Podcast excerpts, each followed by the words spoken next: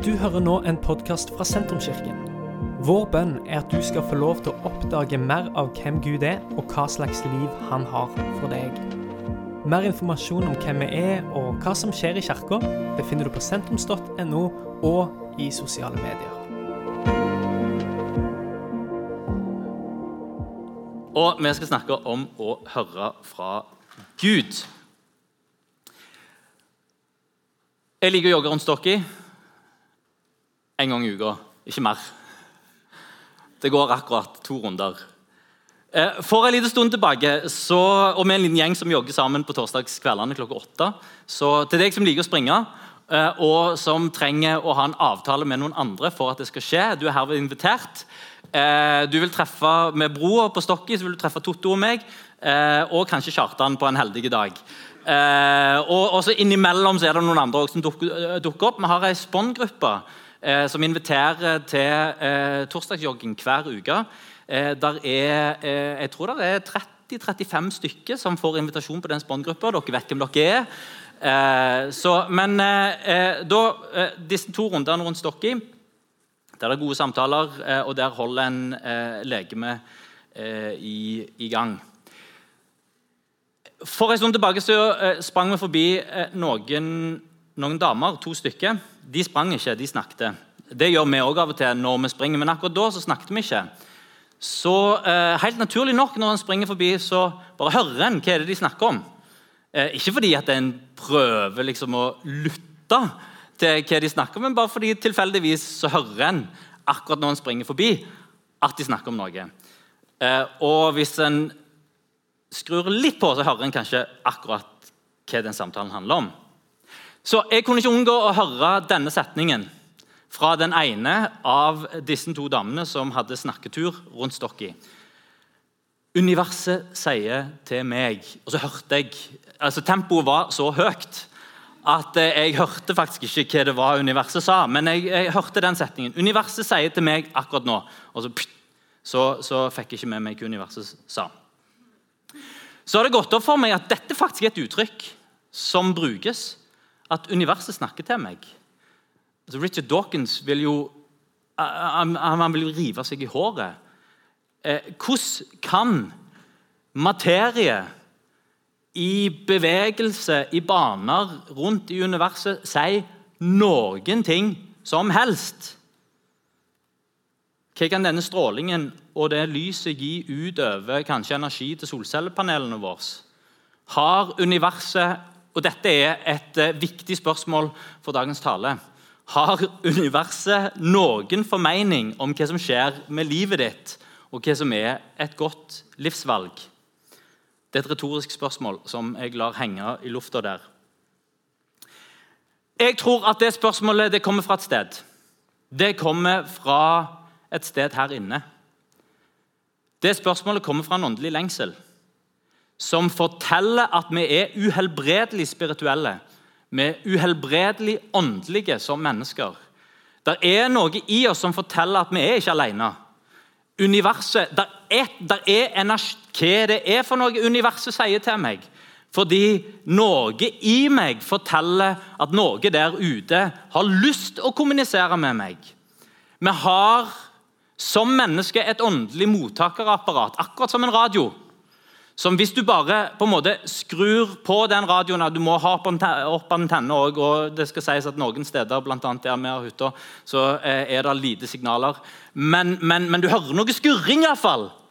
Eh, og du får inn noe, for det fins et mottakerapparat som er i stand til å fange opp radiobølger. Sånn et mottakerapparat fins der i hvert menneske. Første Mosebok, I skapelsesberetningen så fortelles det at Gud former mennesket. og så, så, så, blåste han livets pust, eller livets ånd, inn i mennesket, og det ble til en levende sjel. Og Siden da så har mennesket uhelbredelig hatt en liten del av Gud i seg, som lengter etter å få kontakt med sin skaper. Med La meg, eh, la meg, bare hente ned det retoriske spørsmålet. Universet er stille. Men Gud ønsker å snakke til oss. Og hvordan kan vi få tak på det som Gud sier? Sist uke så, sist uke så snakket Vesten av kona mi om å ta vekk støyen. Eh, jeg lå hjemme med eh, korona med positiv test den morgenen og ga mitt manus til Western sa kan du tale dette her. Og Hun leste det over det og sa ja, det kan jeg. Og Så påsto hun etterpå at uh, hun, jeg, jeg, tror ikke hun brukte noe Jo, jeg, jeg, lurer på om hun hadde et sitat inni der som, som var mitt. Så, men, uh, men det, det, var veldig bra, for det handler om å ta vekk støyen. Skal vi høre ifra Gud, og det er det vi snakker om denne måneden, her, skal vi høre fra Gud, så må vi begynne der. Det er så mye støy, og det er så mye som tar oppmerksomheten vår at det er nesten umulig å høre fra Gud. Og Da skal vi lese i Markus 1, 35-45, og det er dagens tekst. Tidlig om morgenen mens det ennå var mørkt, sto han opp og gikk ut. Han dro bort til et øde sted, og han ba der. Simon, det, altså det er Peter, og de som var sammen med han, skyndte seg etter han, og de fant han og sa til han, alle leide etter deg. Han sier til dem, la oss gå andre steder, til småbyene her omkring, så jeg kan forkynne ordet der òg, for det er derfor jeg er kommet.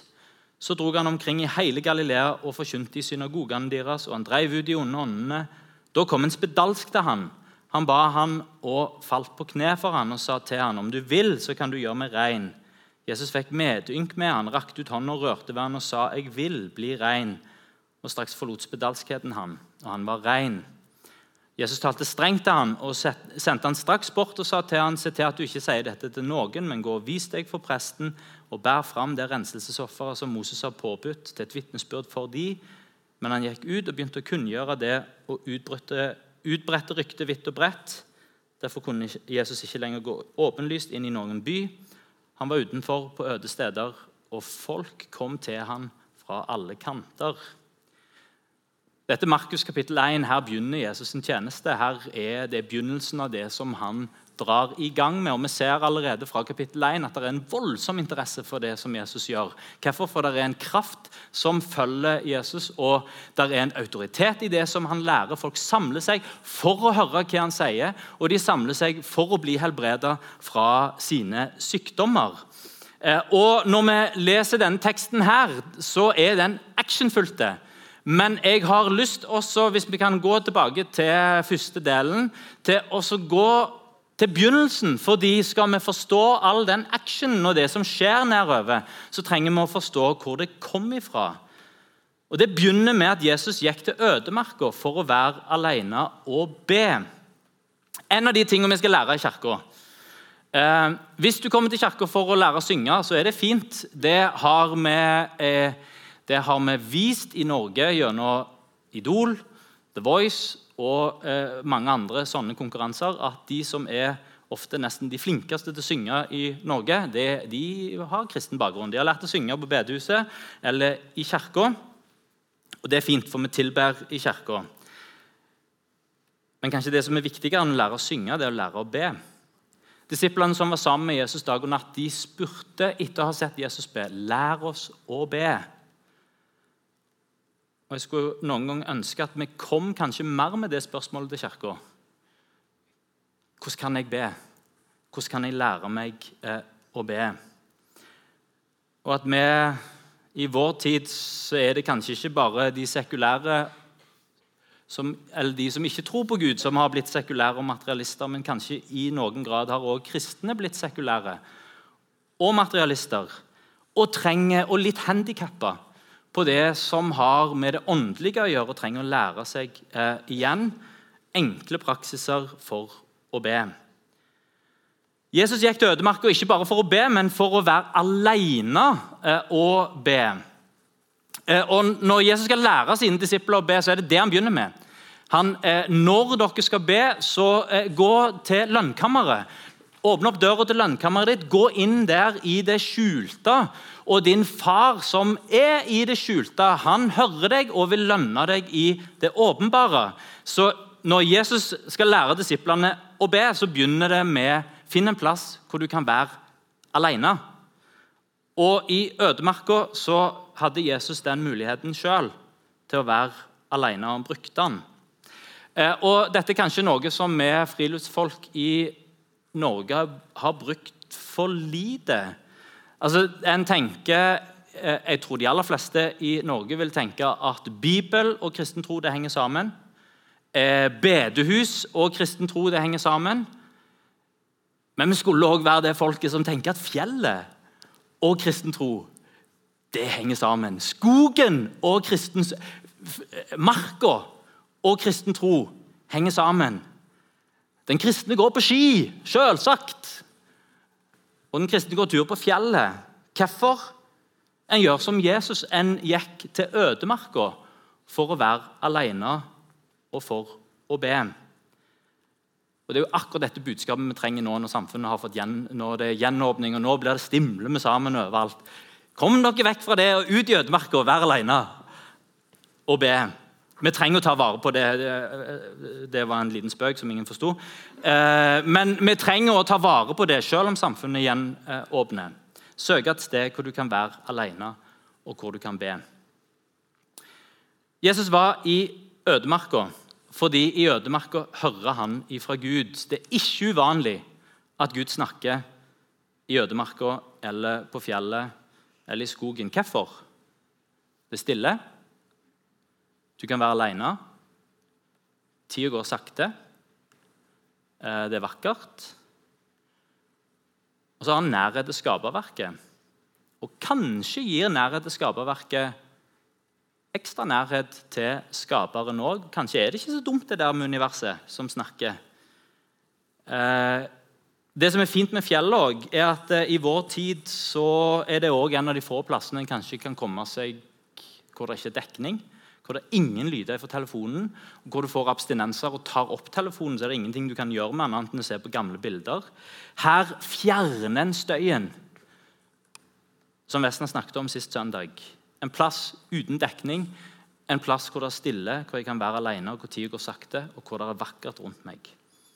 Veldig mange faktisk, av møtene med Gud som en leser om i Bibelen, de skjedde i ødemarka.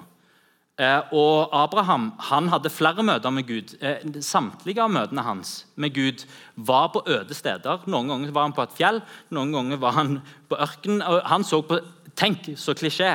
Abraham så på stjernene, og så talte Gud. Eh, se på stjernene. Så mange som stjernene er, så store skal din ett bli. Han, han satt der i, i i fluktstolen sin på, uh, ute der i ørkenen og så på sanden og filosoferte over livet. Og Gud snakker til han og sier at se på sandkorna. Så mange som de er, så store skal din ett bli. Moses lever også sitt liv i ødemarka. Han er ute og gjeter sauer. Og du får mye tid til å tenke og fundere når du går rundt og gjeter sauer. Altså, jeg har vært med å lete etter sauer i fjellet en dag. bare da får du tid til å tenke gjennom mye. Men altså, Moses han gjette sauer i ørkenen i eh, hva det var han, han var vel eh, det var 40 år, eller noe sånt. Eh, og Da får du tid til å tenke og fundere. Og Gud snakker til han gjennom en busk som ikke brenner opp.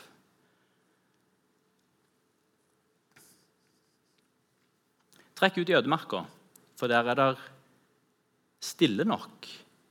Kan være alene, og det er stille nok til at du kan høre Gud. Eh, og her er Per Eivind-sitatet. Hvis du kan høre fuglene, så kan du høre Gud. Og vet du hva? Jeg mener det helt seriøst. Det er masse fugler i byen. Eh, kanskje etter hvert nå så er det mer fugler i byen enn der er eh, altså For de har jo forstått hvor maten er hen. Den er jo ikke oppe i fjellet, den, den er jo rundt i hagene til folk og rundt forbi. Det er et, et, eh, et villmarksliv i byene våre som vi ikke alltid er klar over. Jeg har sett havørn spise kebab på en søndagsmorgen i Langgata i, uh, i, uh, i Sandnes. Det, det, det, er helt tilfelle. Uh, svære havørn kommer gående som står der og faktisk reelt sett spiser en sånn kvart kebab som lå igjen fra en eller annen som har mista den i gata der. Eh, så Det er et villmarksliv i byene våre som eh, har tatt seg opp, opp, opp. opp, opp, opp. Eh, under pandemien så er det noen plasser det har tatt helt av. Og, og Hvor det er villsvin og ulver og alt mulig som, som, som tar plass i byene våre. Problemet er at vi hører ikke fuglene i byen fordi det er så mange lastebiler. Og det er så enormt mye annen lyd, og det er så mye som tar oppmerksomheten vår. Så eh, vi klarer aldri å få ørene våre på at det faktisk skjer. Gå ut i skogen. Gå opp på fjellet. Kanskje ikke akkurat nå i januar, eh, men eh, når det begynner å bli litt grønt, så vil du legge merke til at du hører fuglene fordi det er stille. Det er et godt bilde på at vi kan høre Gud der òg, fordi det blir stille på innsida. Det er ikke støy som overdører, Som overdøver. Og vet du hva? Dette handler ikke om friluftsliv og det handler ikke om natur. Det passer ekstra godt til de som er glad i naturen, men hvis du ikke er så opptatt av natur, så ikke avfei dette. For her, her er det, noe, er noe dypereliggende i dette å trekke ut i ødemarken hvor en kan være alene. En plass hvor det er stille på innsida, en plass hvor en faller til ro. En plass hvor det ikke er alt dette støyen og alt dette som tar oppmerksomheten vår. En er stille og alene, det er vakkert rundt deg, og en kan gjøre det for kortere eller lengre perioder. I ødemarka får Jesus retning. Det står ikke direkte i denne teksten at Gud snakker til Jesus i ødemarka, men vi ser det ut av det som skjer etterpå. For eh, Jesus er veldig tydelig etter han har vært der eh, tidlig på morgenen og bedt. La oss gå til de andre stedene, la oss gå til småbyene her omkring. Jeg må forkynne ordet der òg, for det er derfor jeg er kommet. Og Så drar han omkring i hele Galilea og så forkynner han i synagogene deres. og så er det en sånn det er en bestemthet over det som Jesus gjør. Jeg vet hva jeg skal gjøre, jeg vet hva som er neste steg. Nei, jeg skal ikke dra inn til byen. Jeg skal dra til de små stedene rundt forbi. Det er noe som har, noen brikker som har falt på plass, og jeg vet hva jeg skal gjøre.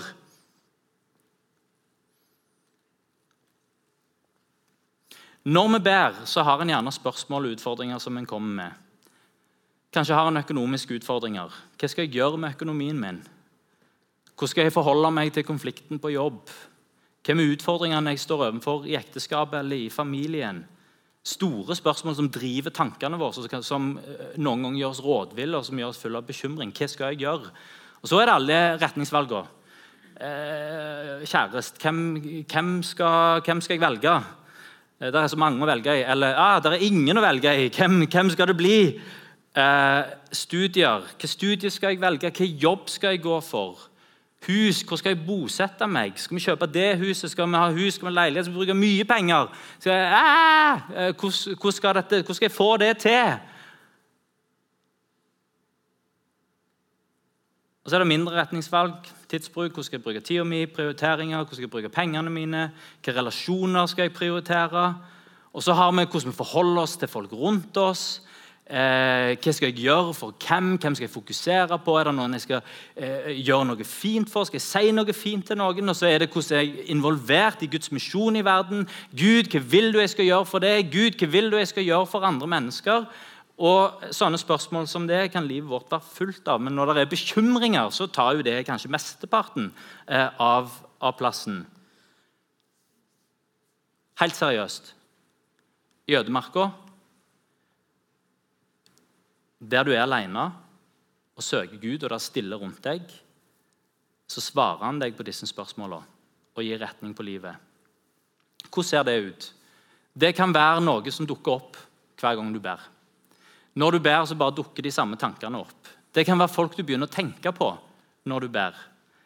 Eh, det kan være ting som du har lyst til å gjøre, eller ting som du ser for deg som skjer når du ber. Noen ganger kan Gud snakke til oss og gjennom ting som vi ser mens vi bærer, altså ting som skjer rundt oss.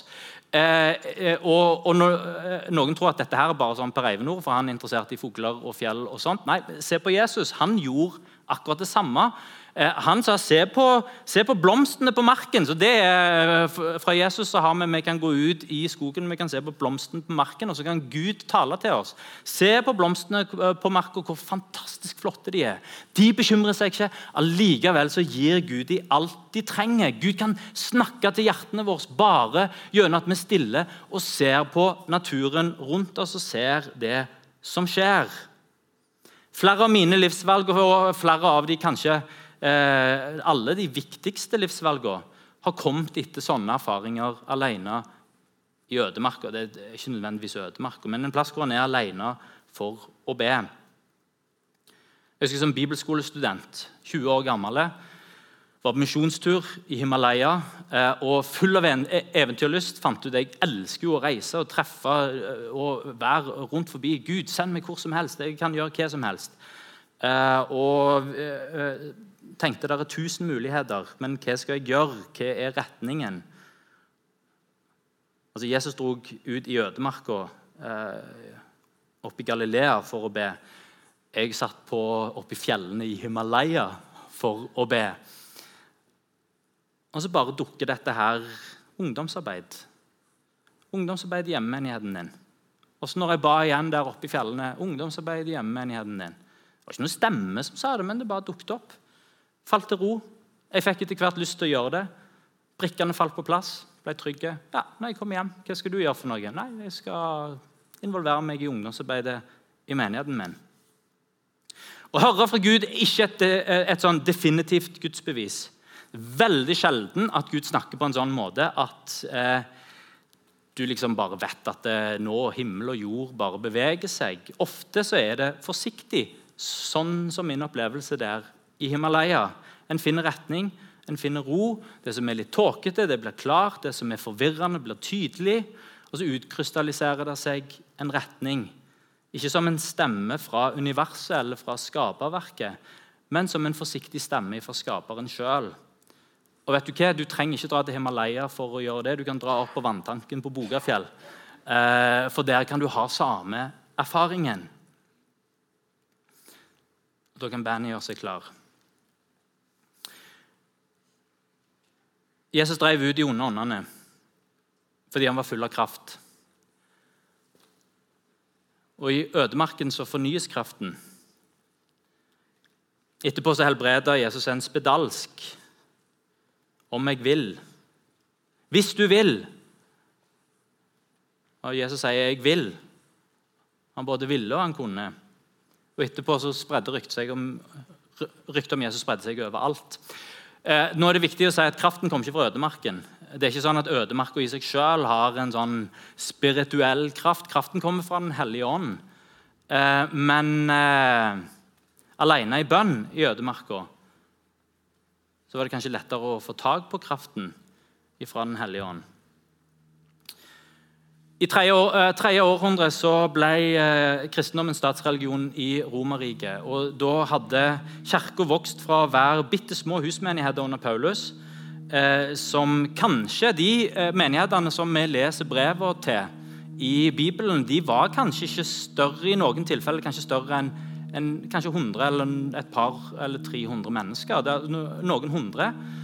Eh, og derifra så vokser over flere hundre år kristen tro og evangeliet får gjennomslag etter gjennomslag etter gjennomslag. Og da inn i det tredje århundret så, blir det, eh, så, så, er gjennomslaget så vanvittig at det blir statsreligion i eh, Romerriket. En vekst som er nesten umulig å forklare på annet vis enn at Gud står bak det.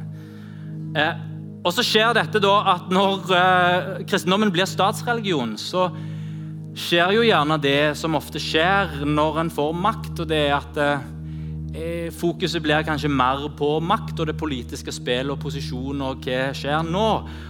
Og så tømmes da kanskje noe av Ikke alt, men noe av den åndelige vitaliteten og noe av den åndelige kraften forsvinner litt ifra, ifra kirka. Og så er det en respons på den, det forfallet og type den si, korrupsjonen som etter hvert ikke er overalt, men som fins der. Og Så begynner de første å trekke ut i ørkenen. Vekk fra byene, vekk fra alt det politiske spillet. Ut i ørkenen. Eh, noen av dem var skikkelig rare. Eh, skal ikke bli inspirert av dem i det hele tatt. Jo, En kan bli inspirert av bevegelsen deres, men, eh, men de fant på mye rart òg ute i ørkenen. Men det som, da, eh, det som da motiverte denne bevegelsen fra byen, fra maktsenteret, ut i der som ingen er, det er tilbake igjen til Gud. Tilbake igjen til å søke Gud, tilbake igjen til å få tak på hva Han har for oss. Så kom det nesten som et opprør ifra ørkenen. Og at han, Atanasius han sa i det fjerde århundret at det er nesten sånn at byen ødemarka har blitt by. For alle folk å trekke ut der, for det er der det skjer, for der er det åndelig vitalitet. Og vet du, De klostrene og de sentrene som kom ut av denne bevegelsen fra byen, fra det som var litt korrupt kanskje, og som hadde, moralsk, hadde åndelig forfall ut i ørkenen, fra det som skjedde der når en søkte Gud, og en fikk fornya kraften, og den åndelige vitaliteten kom tilbake, det fornya hele kristenheten og kirkene i hundrevis av år etterpå. Det er en god grunn til å trekke ut jødemerka for å være alene for å be. Fordi en er stille nok til å høre, og en får retning, og en fylles med kraft. Det trenger ikke være i Himalaya-fjellene, det trenger ikke være i ørkenen i Midtøsten. Du trenger heller ikke dra opp på prekestolen, selv om eh, jeg, jeg, hadde med en amerikaner fra, fra Texas på tur opp til prekestolen for mange, mange mange år. Eh, en amerikaner fra Texas, ja. Det, det, er viktig at han var begge deler. Eh, og han, han, sa jo det, han hadde aldri vært utenfor Texas før. Eh, jeg tror han hadde vært i Mexico. Eh, og alt er flatt i Texas. Og vi gikk opp der på vei opp til prekestolen. Det var, ingen, var omtrent ingen folk der. Og, og, og han, han, var så fornøyd over fjellene og kom utover mot prekestolen der. og da var det 'Halleluja, praise God! Glory to Jesus! Halleluja, praise God!' Så Eh, det var fire-fem andre òg der oppe på prekestolen, men vi fikk prekestolen for oss sjøl. Så det, det, var tydelig at han, han, hadde et veldig sterkt øyeblikk der på prekestolen. Men det må ikke være der oppe. Det må ikke være Himalaya-fjellene, det må ikke være ørkenen i Midtøsten. Vet Du du kan treffe Gud i Sandparken. Du treffer Gud rundt Stokki. Husk disse plassene nå. Du treffer Gud langs havna. Du kan til og med sette deg ned og se utover Gansen. Gud kan tale til deg mens du ser på Gansen. Du kan gidde å gå opp på Dalsnuten, men det er mye folk der. Kanskje Brosteinsnuten. Gud snakker til deg på Brosteinsnuten. På Hellestø eller på Borestranda. Til og med i skoleskogen. I hagen, til og med. Og på terrassen. Sånn sett så kan òg ødemarka være en kafé, hvis du klarer å få vekk støyen og si 'Gud, nå vil jeg høre hva du har å si'. Det kan til og med være godstolen din.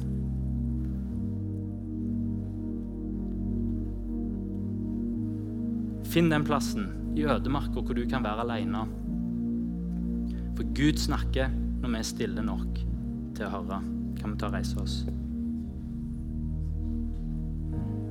Vet du hva vi skal gjøre? Vi skal, mens vi bare står her hver på vår plass, så Kenneth han, han, eh, han begynte gudstjenesten i dag med å si Nå kan vi late som dette er ødemarken. Det er jo ikke det. Men nå er vi samla her for å, for å Gud. Han har lovt at når to-tre samler i hans navn, da er han midt iblant oss. Jeg er sikker på at det er spørsmål som du kommer med. Jeg er sikker på at det er vanskelige ting som du drar med deg inn i denne gudstjenesten. Kanskje bekymringer som går rett og fram i hodet ditt. Mens bandet bare spiller forsiktig i bakgrunnen, og vi lukker øynene våre, så du kan fokusere på Gud, prøve å glemme de som er rundt deg. Så tar vi to minutter der det bare er stille.